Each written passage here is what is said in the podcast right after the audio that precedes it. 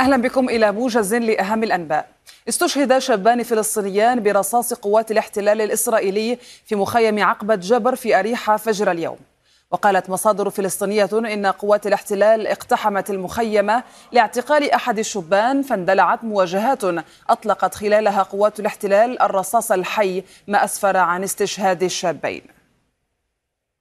قال انتنكار الحسن مستشار رئيس النيجر المحتجز محمد بازوم في تصريح للجزيرة. قال إن الرئيس لم يرتكب أي مخالفة تبرر اتهامه بالخيانة العظمى. واستبعد المستشار تماما أن يقدم الرئيس استقالته. من ناحيتها قالت المجموعة الاقتصادية لدول غرب أفريقيا إكواس إن محمد بازوم يظل الرئيس المنتخب ديمقراطيا والمعترف به رئيسا للنيجر. معتبرة محاولة توجيه تهمة الخيانة العظمى له خطوة استفزازية.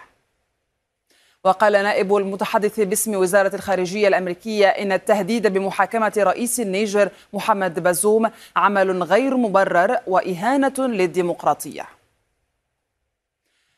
كما استنكر الممثل الأعلى للشؤون الخارجية والسياسية الأمنية للاتحاد الأوروبي جوزيف بوريل رغبة المجلس العسكري في النيجر اتهام الرئيس المحتجز محمد بازوم بالخيانة. وقال بوريل إن الاتهام يعتبر بادرة استفزازية جديدة ضد الديمقراطية في النيجر.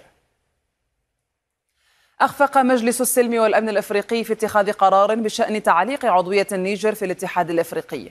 وقال مصدر دبلوماسي إفريقي للجزيرة إن هناك انقسامات بين أعضاء المجلس بشأن الإجراءات والقرارات المفترض اتخاذها ضد قادة الانقلاب العسكري.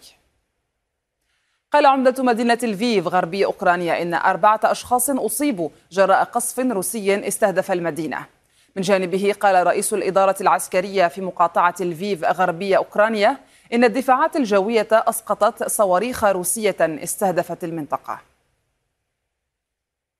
أعلنت الإدارة الإقليمية العسكرية في أوديسا أن القوات الروسية هاجمت أوديسا المطلة على البحر الأسود بالمسيرات والصواريخ. اتهم رئيس مجلس السيادة في السودان عبد الفتاح البرهان قائد قوات الدعم السريع محمد حمدان حميتي بارتكاب جرائم حرب وقال إن السودان يواجه أكبر مؤامرة في تاريخه الحديث.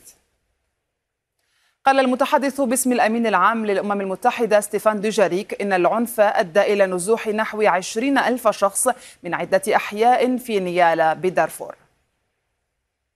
خلصت هيئة محلفين كبرى في مدينة أتلانتا بولاية جورجيا إلى قرار بتوجيه اتهامات للرئيس الأمريكي السابق دونالد ترامب وثمانية عشرة شخصية مقربة منه ضمن التحقيق في سعيه للتلاعب بنتائج الانتخابات الرئاسية عام 2020 في الولاية.